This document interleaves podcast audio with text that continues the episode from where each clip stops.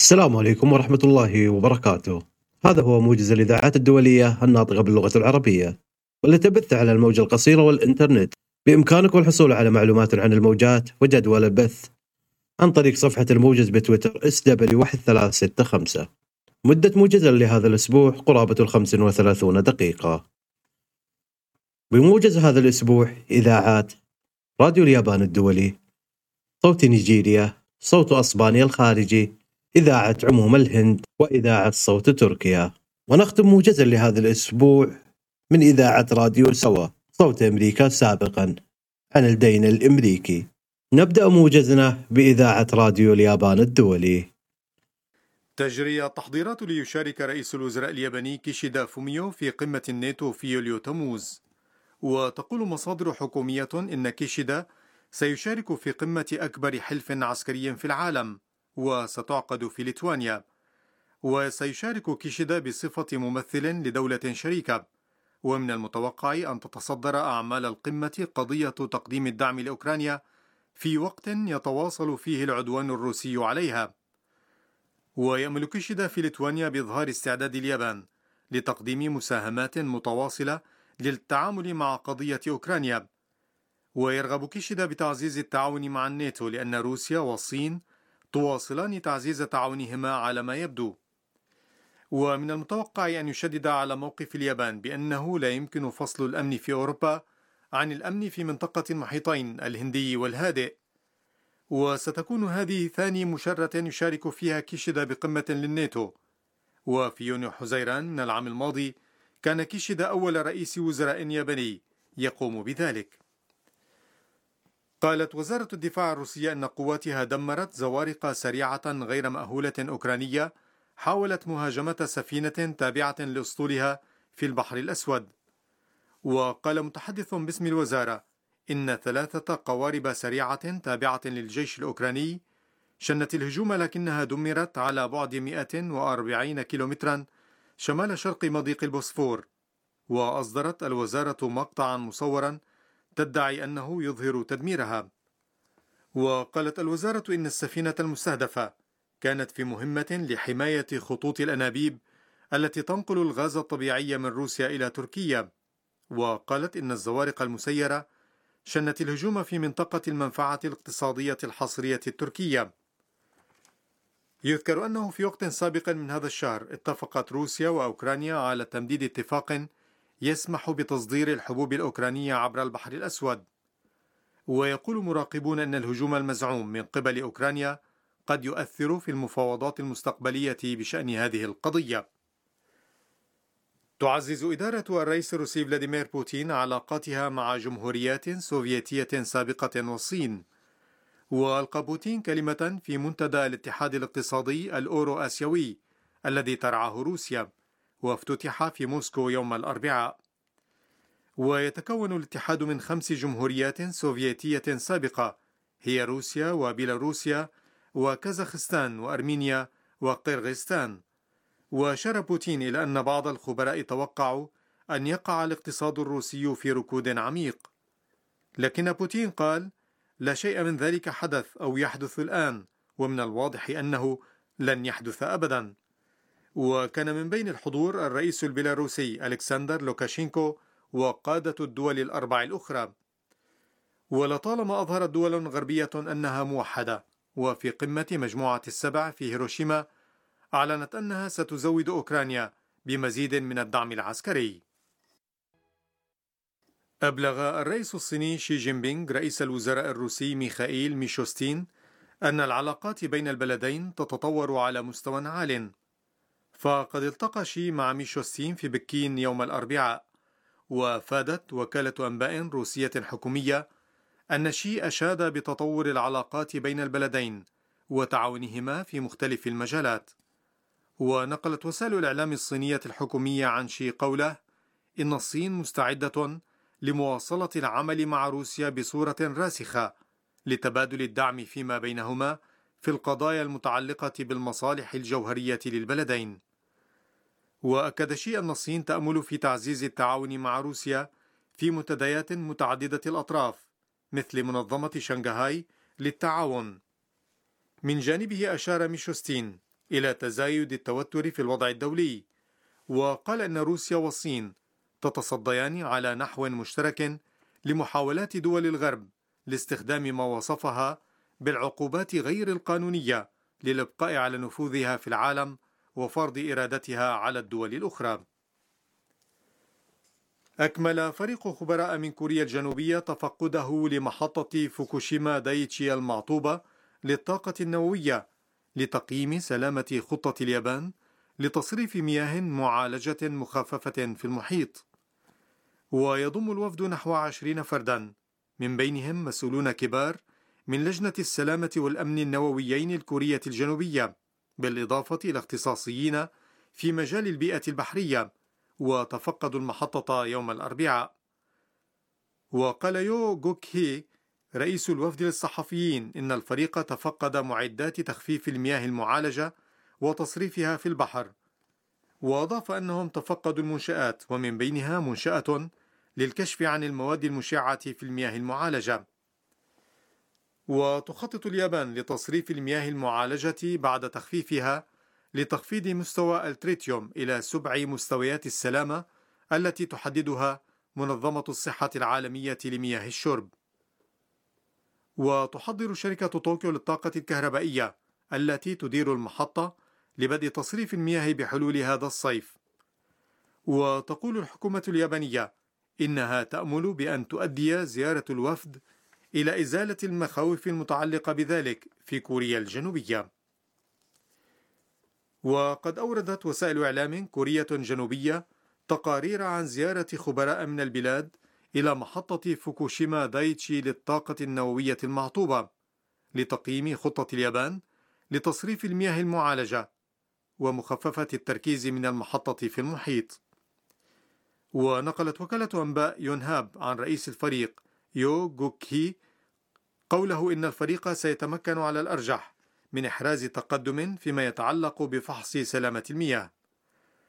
وورد أيضا أن يو قال: نحن بحاجة إلى إجراء تحاليل إضافية لوظائف وأدوار منشأة المحطة.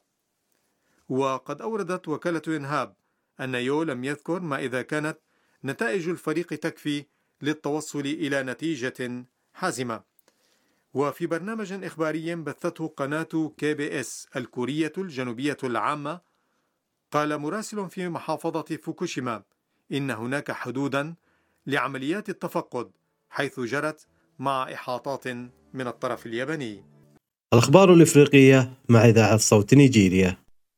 اختطف الانفصاليون في المنطقة الشمالية الغربية من الكاميرون أكثر من 30 امرأة وجرحوا عددا غير محدد من الأخريات. وقال مسؤولون كاميريون إن المرأتين اختطفتا في قرية بيج بابا كانجي بالقرب من الحدود مع نيجيريا بزعم احتجاجهما على حظر التجول والضرائب التي فرضها عليها عليهما الانفصاليون. وقالوا إن بعض النساء تعرضن لتعذيب شديد على أيدي المتمردين المدججين بالسلاح الذين كثيرا ما يخطفون المدنيين في الغالب للحصول على فدية. وقال زعيم الانفصاليين كابو دانييل إن النساء يعاقبن لأنهن سمحن بأنفسهن للتلاعب في قبل حكومة الكاميرون. في غضون ذلك قال الجيش إنه نشر جنودا لتحرير النساء. ذكرت الحكومة يوم الثلاثاء أن المتمردين الانفصاليين في الكاميرون خطفوا أكثر من 30 امرأة بسبب احتجاجهم على الضرائب. وقال لدينا معلومات موثوقة تفيد بأن عشرة من النساء وهن من الأساس مزارعات وتجار تعرضن للتعذيب بالبنادق والمناجل. وقال إن الانفصاليين كانوا يجمعون مدفوعات شهرية من الأطفال والنساء والرجال ويفرضون ضرائب على الأزواج قبل الزواج. ويجبرون العائلات على دفع 100 دولار ألف دولار لدفن أقاربهم. عانت الدولة الواقعة في وسط إفريقيا من القتال منذ أن شن الانفصاليون الناطقون بالإنجليزية تمردا عام 2017 بهدف معلن يتمثل في الانفصال عن المنطقة التي تهيمن عليها الأغلبية الناطقة بالفرنسية وإقامة دولة مستقلة تتحدث الإنجليزية. واتهمت الحكومة الانفصاليين بارتكاب فظائع ضد المدينين الناطقين باللغة الإنجليزية أسفرت الصراع عن مقتل أكثر من ستة آلاف شخص وتشريد أكثر من 760 ألف آخرين وفقا لمجموعة الأزمات الدولية. وصرح الزعيم الانفصالي كابو دانييل لوكالة أشوشيت بريس يوم الثلاثاء أن المرأتين اختطفتا بفظائع ضد المدينين الناطقين باللغة الإنجليزية. أسفرت الصراع عن مقتل أكثر من ستة آلاف شخص وتشريد أكثر من 760 ألف آخرين وفقا لمجموعة الأزمات الدولية.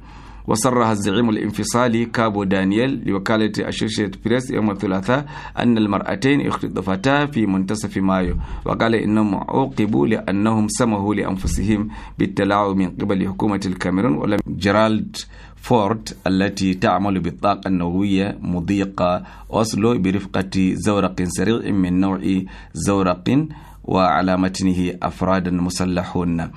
قالت القوات أي قوارب يجب أن تبقى على بعد نصف كيلومتر نصف ميل من حاملة الطائرات. وتم إنشاء منطقة حظر حظر طيران فوق المنطقة التي توجد بها حاملة الطائرات.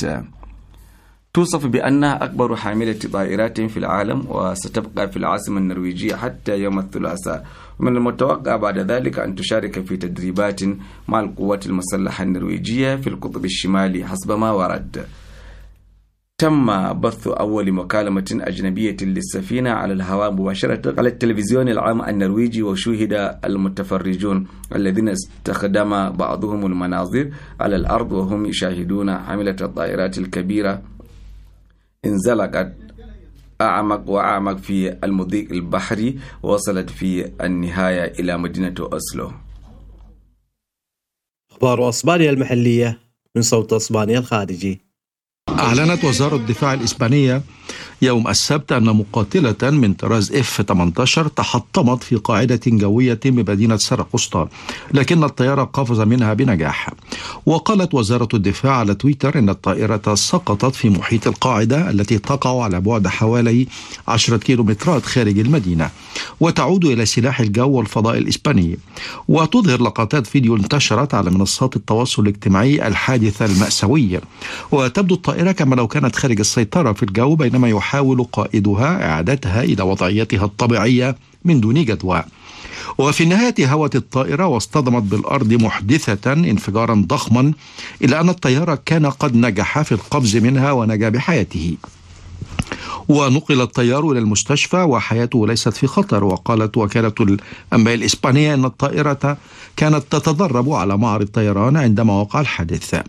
وأخبر الحرس المدني وكالة السوشيد بريس أن واحدة من دورياته كانت أول من وصل للطيار الذي سقط أمام سياج خارجي يحيط بالقاعدة.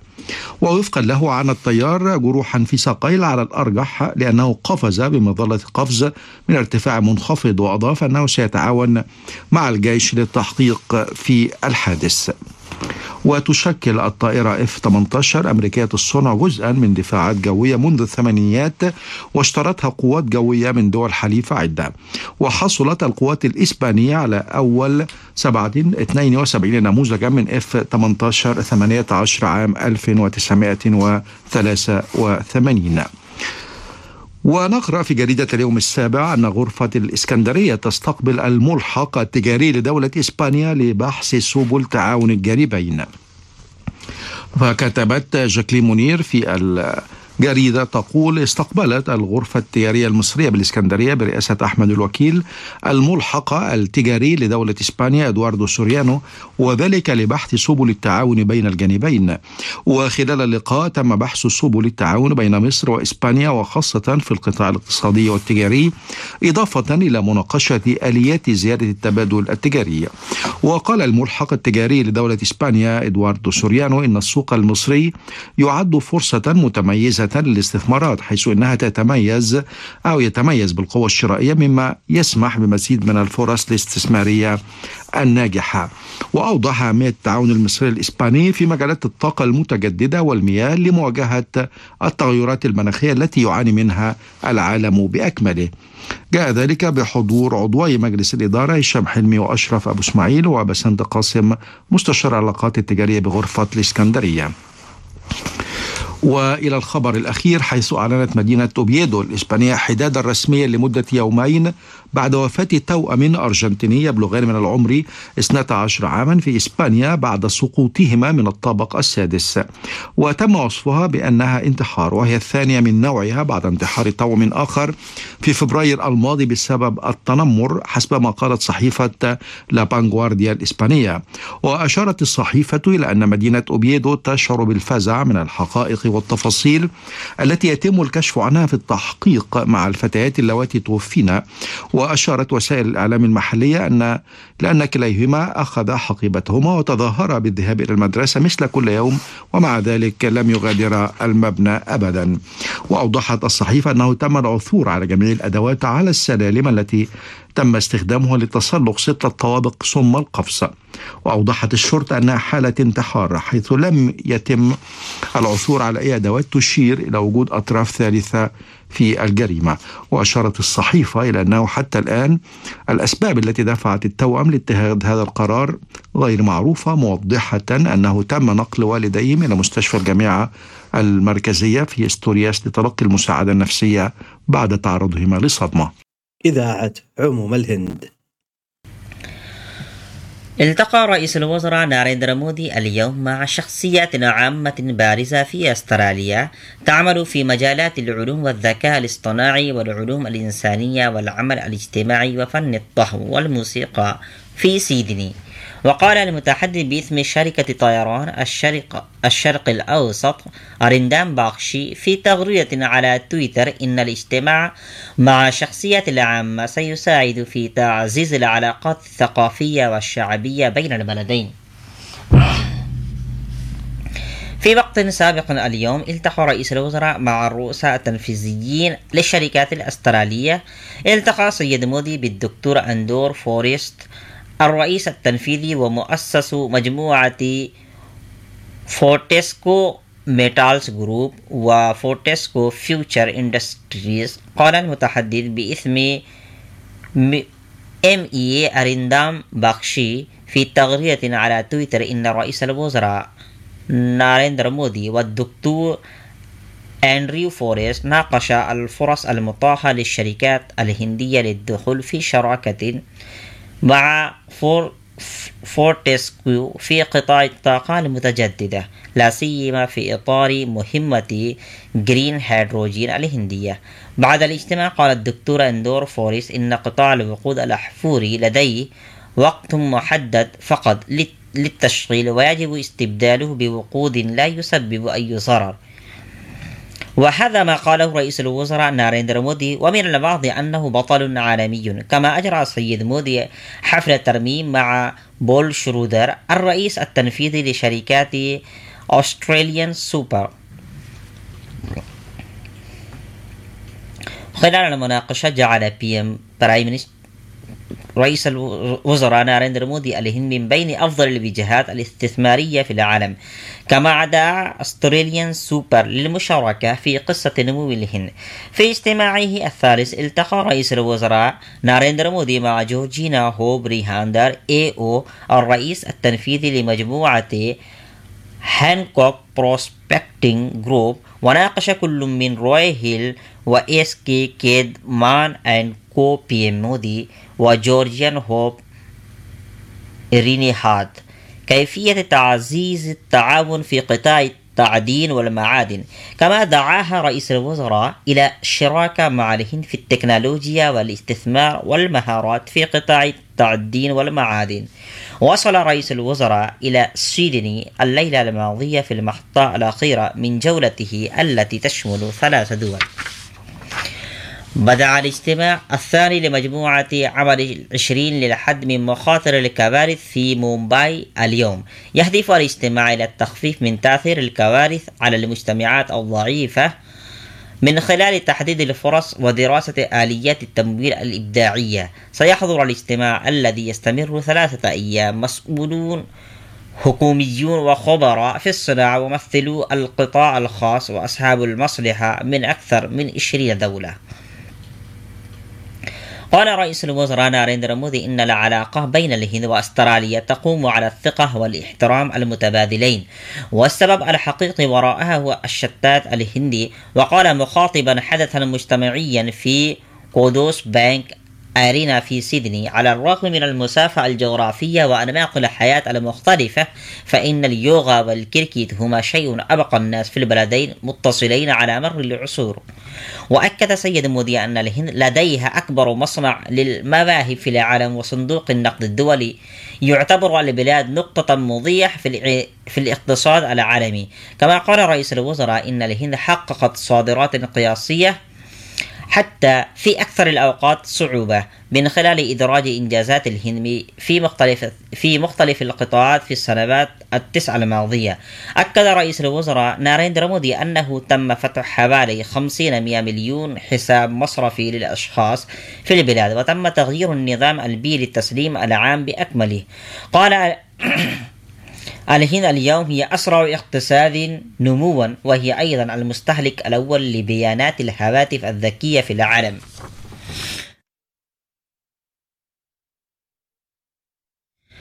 كما أكد السيد مودي أن الهند هي حضارة نابضة بالحياة منذ آلاف السنين وهي أم الديمقراطية قال سيد مودي اليوم يطلق على الهند اسم قوة الصالح العالمي وأضاف أنه أينما حدثت كارثة فإن الهند مستعدة للمساعدة في الاستشهاد بمثال تركيا الأخير خلال الحدث أعلن رئيس الوزراء ناريندرا مودي أن الهند ستفتتح قنصلية جديدة في بريزبين. في خطابه قال رئيس الوزراء الأسترالي أنتوني ألبانيز عندما زار الهند في مارس من هذا العام شعر بعلاقة عميقة بين شعب أستراليا والهند. وآخر نشراتنا لهذا الأسبوع من إذاعة صوت تركيا. قال رئيس الجمهورية رجب طيب أردوغان أن الجهود المبذولة لبناء مساكن يمكن أن تستوعب مليون لاجئ في شمال سوريا مستمرة. تطرق الرئيس أردوغان في خطابه في صناعة قوية تركية قوية اجتماع إسطنبول الذي عقد في مركز إسطنبول للمؤتمرات إلى قضية اللاجئين السوريين. وقال أردوغان إن تركيا بنت منازلا للاجئين في شمال سوريا وأضاف لقد قمنا بذلك ليس فقط كدولة ولكن مع المنظمات غير الحكومية أي منظمات المجتمع المدني. إضافة إلى ذلك يستمر العمل لبناء منازل في سوريا بدعم من قطر. يمكن أن تستوعب مليون لاجئ بالأمس بدأ وزير الداخلية حفل وضع حجر الأساس للمنازل. وأشار أردوغان إلى أنهم أنشأوا البنية التحتية للسوريين في تركيا للذهاب إلى هذه الأماكن طواعية وقال أردنا أن نفعل شيئا مشابها لنفس الممارسة مثل دعوة ألمانيا وفرنسا وأمريكا لمثل هؤلاء اللاجئين إلى بلدانهم وليس بطاردهم أو إرسالهم بالقوة أو بالخداع لأن عملنا إنساني. نؤمن أنه يجب أن يكون له جانب ضميري ومن ناحية أخرى جانب إسلامي. خاطب رئيس الجمهورية رجب طيب أردوغان أهالي كهرمان مراش عبر الهاتف. إذ خاطب رئيس الجمهورية رجب طيب أردوغان أهالي بازارجيك ونقل تحياته خلال زيارة وزير الزراعة والغابات واحد كريش إلى المكتب الانتخابي لحزب العدالة والتنمية في منطقة بازارجيك بكهرمان مراش. إذ تقاسم الوزير كيرشجي عبر حسابه على تويتر الخطاب الذي رحب فيه الرئيس أردوان بالمواطنين عبر الهاتف خلال زيارته للمكتب الانتخابي لحزب العدالة والتنمية في منطقة بازارجك بكهرمان مراش. ونقل الرئيس أردوان تحياته إلى المواطنين وأجرى التقييمات التالية. سنسعى إن شاء الله للوفاء بالوعود التي تم قطعها في أقرب وقت ممكن. وبعد اجتياز الانتخابات بنجاح يوم الأحد سأقوم بزياراتي إلى مناطق الزلازل مرة أخرى مع فريقنا الجديد. أنا أؤمن أننا سنحقق نجاحا كبيرا في الصناديق. وأشار كيرشي في تغريدته إلى أنه في ظل قيادة الرئيس أردوغان فإن هدفهم الرئيسي هو إعادة ضحايا الزلازل إلى منازلهم. قدم رئيس الجمهورية رجب طيب أردوغان الشكر إلى الناخبين في الخارج وقال لقد حققتم إقبالا قياسيا في الجولة الثانية من الانتخابات الرئاسية كما كان الحال عليه في الجولة الأولى التي جرت في الرابع عشر من مايو. إذ اكتملت عملية التصويت في الخارج والتي بدأت في العشرين من مايو. ووجه أردوغان رسالة شكر للناخبين الذين صوتوا في الخارج واستخدم أردوغان العبارات التالية في رسالته. أود أن أشكر كل فرد من أخوتي الذين توافدوا إلى صناديق الاقتراع ليعكسوا إرادتهم ويمثلون بفخر أمتنا في جميع أنحاء العالم على الرغم من أنهم بعيدون عن وطنهم. وستستمر عملية التصويت في بوابات الجمارك والمطارات حتى الساعة الخامسة من يوم الثامن والعشرين من مايو. إنني أحث المواطنين الذين لم يصوتوا بعد الاستفادة من هذه الفرصة. لقد حققتم إقبالا قياسيا في الجولة الثانية من الانتخابات الرئاسية تماما كما فعلتم في انتخابات الرابع عشر من مايو. رغم جهود المتعاطفين مع التنظيم الإرهابي الانفصالي وأعداء الديمقراطية على وضع العراقيل أمامكم فقد تبنيتم اختياركم وحققتم نجاحا كبيرا. لقد قمتم بواجبكم كمواطن على أفضل نحو وسلمتم لنا راية الديمقراطية. بارك الله بكم جميعا. انتهت أمس عملية التصويت للناخبين المسجلين في سجل الناخبين بالخارج والتي بدأت يوم العشرين من مايو الجاري مع استمرار عملية التصويت في الجمارك.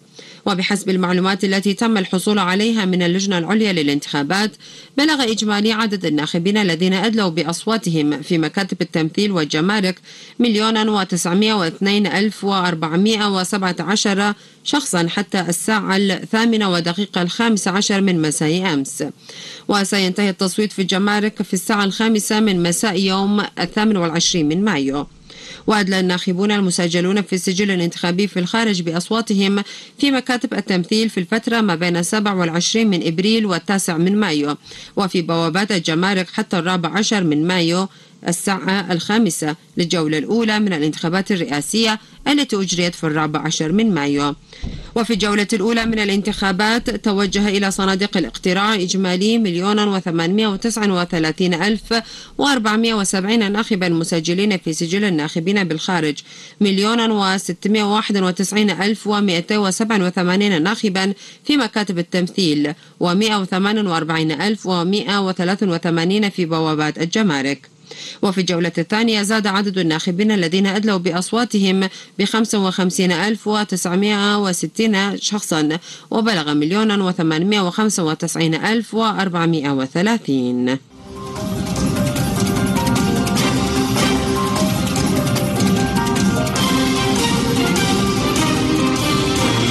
نواصل تقديم الأنباء من إذاعة صوت تركيا. وصلت الأصوات التي تم الإدلاء بها خارج البلاد للجولة الثانية من الانتخابات وصلت إلى العاصمة أنقرة. فبعد اكتمال عملية التصويت في مكاتب التمثيل الأجنبي تم نقل الأصوات المدلى بها في البلدان التي يعيش فيها المواطنون الأتراك في أوروبا إلى تركيا بثلاث طائرات مستأجرة. وفي هذا الإطار هبطت أول طائرة تابعة للخطوط الجوية التركية تسمى تشاتال هيوك في مطار أسامبوا في الساعة السابعة والدقيقة الخامسة عشرة مساء أمس بالتوقيت المحلي لتركيا وتم وضع أكياس مختومة تحتوي على حوالي 500 ألف صوت استخرجت من الطائرة على الشاحنات المنتظرة على ساحة الانتظار من قبل الجهات المعنية. كما يتم نقل الأصوات المدلى بها في البلدان الأخرى إلى تركيا عن طريق البريد الدبلوماسي تحت تدابير أمنية. وسيتم تسليم جميع الأصوات المدلى بها في الخارج إلى لجنة الانتخابات الخارج وسيتم فرزها بالتزامن مع الأصوات الأخرى اعتبارا من الساعة الخامسة من مساء يوم الثامن والعشرين من مايو عند اكتمال عملية التصويت في جميع أنحاء البلاد. وسيستمر التصويت على البوابات الجمركية للناخبين المسجلين في السجل الانتخابي في الخارج حتى الساعة الخامسة من مساء يوم الأحد الثامن والعشرين من مايو. صرح فاتح دونماز وزير الطاقة والموارد الطبيعية إن تركيا تحتل المرتبة الخامسة في أوروبا والمرتبة الثانية عشر في العالم في مجال الطاقة المتجددة. إذ قال دون ماز الذي شارك في مراسم زرع الشتلات التي أقيمت في غابة النفايات الصفرية التي تم إنشاؤها على طريق أسكي شهير أنقرة السريع. قال في كلمته إن مشروع صفر نفايات تم تنفيذه تحت رعاية عقيلة رئيس الجمهورية رجب طيب أردوغان السيدة أمينة أردوغان وهو أحد المشاريع البيئية النموذجية في العالم. وأوضح دون ماز أن 8 مليار شخص يعيشون في العالم يتأثرون بكل انبعاثات تنطلق في الغلاف الجوي. وأشار إلى أن معظم انبعاثات ثاني أكسيد الكربون الحالية تأتي من قطاع الطاقة. وذكر دون ماز أنه ينبغي زيادة حصة الطاقة المتجددة في تركيا وقال في الواقع نحن في مستوى جيد جدا. نحن في المرتبة الخامسة في أوروبا والمرتبة الثانية عشر على مستوى العالم. حاليا يتم توفير 55% من طاقتنا المركبة من مصادر الطاقة المتجددة. وقد وصلت إلى 105 ألاف ميجاوات. 55 ألف ميجاوات منها تأتي من مصادر مثل الرياح والطاقة الشمسية والمياه والكتلة الحيوية والطاقة الحرارية الأرضية. حقق العسل التركي عوائد وصلت إلى 13.5 مليون دولار في أربعة أشهر. إذ قال أحمد حمدي جيردوان نائب رئيس اتحاد مصدري شرق البحر الأسود إنه تم بيع العسل إلى 40 دولة ومناطق مستقلة وحرة من تركيا في الفترة من يناير إلى إبريل. وأوضح أنه تم تحقيق عوائد وصلت إلى 13 مليون و468 ألف و114 دولارا من تصدير 4142 طنا من العسل في الفترة المذكورة. وقال كانت الولايات المتحدة وألمانيا وإسرائيل هي الدول الثلاثة التي سجلت أعلى الصادرات خلال هذه الفترة حيث تم تصدير مع قيمته خمسة ملايين ومئة وست وخمسين ألف ومئة وثمان وسبعين دولارا من العسل إلى الولايات المتحدة الأمريكية ومليونين ومئة وعشرة آلاف ومئتي واثنين وتسعين دولار إلى ألمانيا ومليون وثمانمائة وثلاثة آلاف دولار واثنين وثمانين دولارا لإسرائيل. ولفت يردوغان الانتباه إلى تنوع الدول في صادرات العسل وقال إنه يختلف عن نفس الفترة من العام الماضي حيث تم بيع العسل إلى المملكة العربية السعودية وإيرلندا وكرواتيا ورومانيا وفنزويلا وجمهورية الصين الشعبية والكاميرون خلال هذه الفترة. الآن أترككم مع تقرير عن الدين الأمريكي من إذاعة راديو سوا. شكرا لاستماعكم والسلام عليكم ورحمة الله وبركاته. وصف الرئيس الأمريكي جو بايدن الخميس مفاوضات رفع سقف الدين التي أجراها مع رئيس مجلس النواب الجمهوري كيفن ماكارثي بالمثمرة متعهدا بعدم تخلف الولايات المتحدة عن سداد ديونها. فيما بدأ الوقت ينفد للتوصل لاتفاق بين البيت الأبيض والمفاوضين الجمهوريين بشأن رفع سقف الدين العام. مفاوضات مثمرة مع الجمهوريين. تلك التي وصفها الرئيس بايدن لتجنب التخلف عن سداد الدين العام. مؤكدة المتحدثه باسم البيت الأبيض استمرار تلك المفاوضات قبل أسبوع من الأول من يونيو وهو التاريخ الذي قد تواجه فيه الولايات المتحدة افلاسا قد يضرب الاقتصاد العالمي برمته. عداد الوقت يصل إلى الساعات الحرجة وعدم التوصل حتى الآن لاتفاق على رفع سقف الدين العام لتجنب تخلف البلاد عن السداد ما زال سيد الموقف وهو ما دفع الرئيس بايدن إلى حث الكونغرس على التحرك حالا للتوصل لاتفاق. أجريت مع رئيس مجلس النواب مكارثي محادثات مثمرة وفرقنا تحرز تقدما. إن التخلف عن سداد ديوننا الوطنية ليس خيارا أطمئن الشعب الأمريكي أن يعرف أن مدفوعات الضمان الاجتماعي ستكون موجودة ومستشفيات المحاربين القدامى ستظل مفتوحة والاقتصاد يواصل تقدمه. إن التقصير يعرض كل ذلك للخطر وقادة الكونغرس يفهمون ذلك. حان الوقت للكونغرس للتحرك الآن وأريد أن أوضح أن المفاوضات مع السيد مكارثي تدور حول الخطوط العريضة للشكل الذي ستبدو عليه الميزانية وليس حول التخلف عن السداد. يأتي هذا في ظل تحذيرات وزيرة الخزانة الأمريكية من نفاذ الأموال اللازمة لتغطية جميع النفقات في وقت مبكر من الأول من يونيو مما ينذر بتعثر اقتصادي وصفته بالكارثي. إن لم تتوصل المفاوضات إلى اتفاق قبل الأول من يونيو. خبراء الاقتصاد من جهتهم يرون أن التخلف عن السداد سيكون مدمرا اقتصاديا وسيهز الأسواق المالية في جميع أنحاء العالم وسيؤدي إلى ركود اقتصادي عميق مع ارتفاع معدلات البطالة. قال رئيس هيئة الأركان المشتركة الأمريكية الجنرال مارك ميلي إن تخلف واشنطن عن سداد الدين العام سيؤثر سلبا على مستوى جاهزية القوات الأمريكية ودفع أجور الموظفين والجنود. بالنسبة لسقف الدين أنا لست رجل اقتصاد ولكن أعتقد إذا تخلفنا عن السداد فهذا سيكون له تأثير كبير على مستوى الجاهزية وعلى دفع أجور الموظفين والجنود ولا يوجد شك أنه إذا حدث ذلك فإنه سيكون له تأثير على سمعة الولايات المتحدة لن أستخدم كلمة كارثي لكني أعتقد أن التأثير سيكون مهما جدا خاصة على الأمن القومي.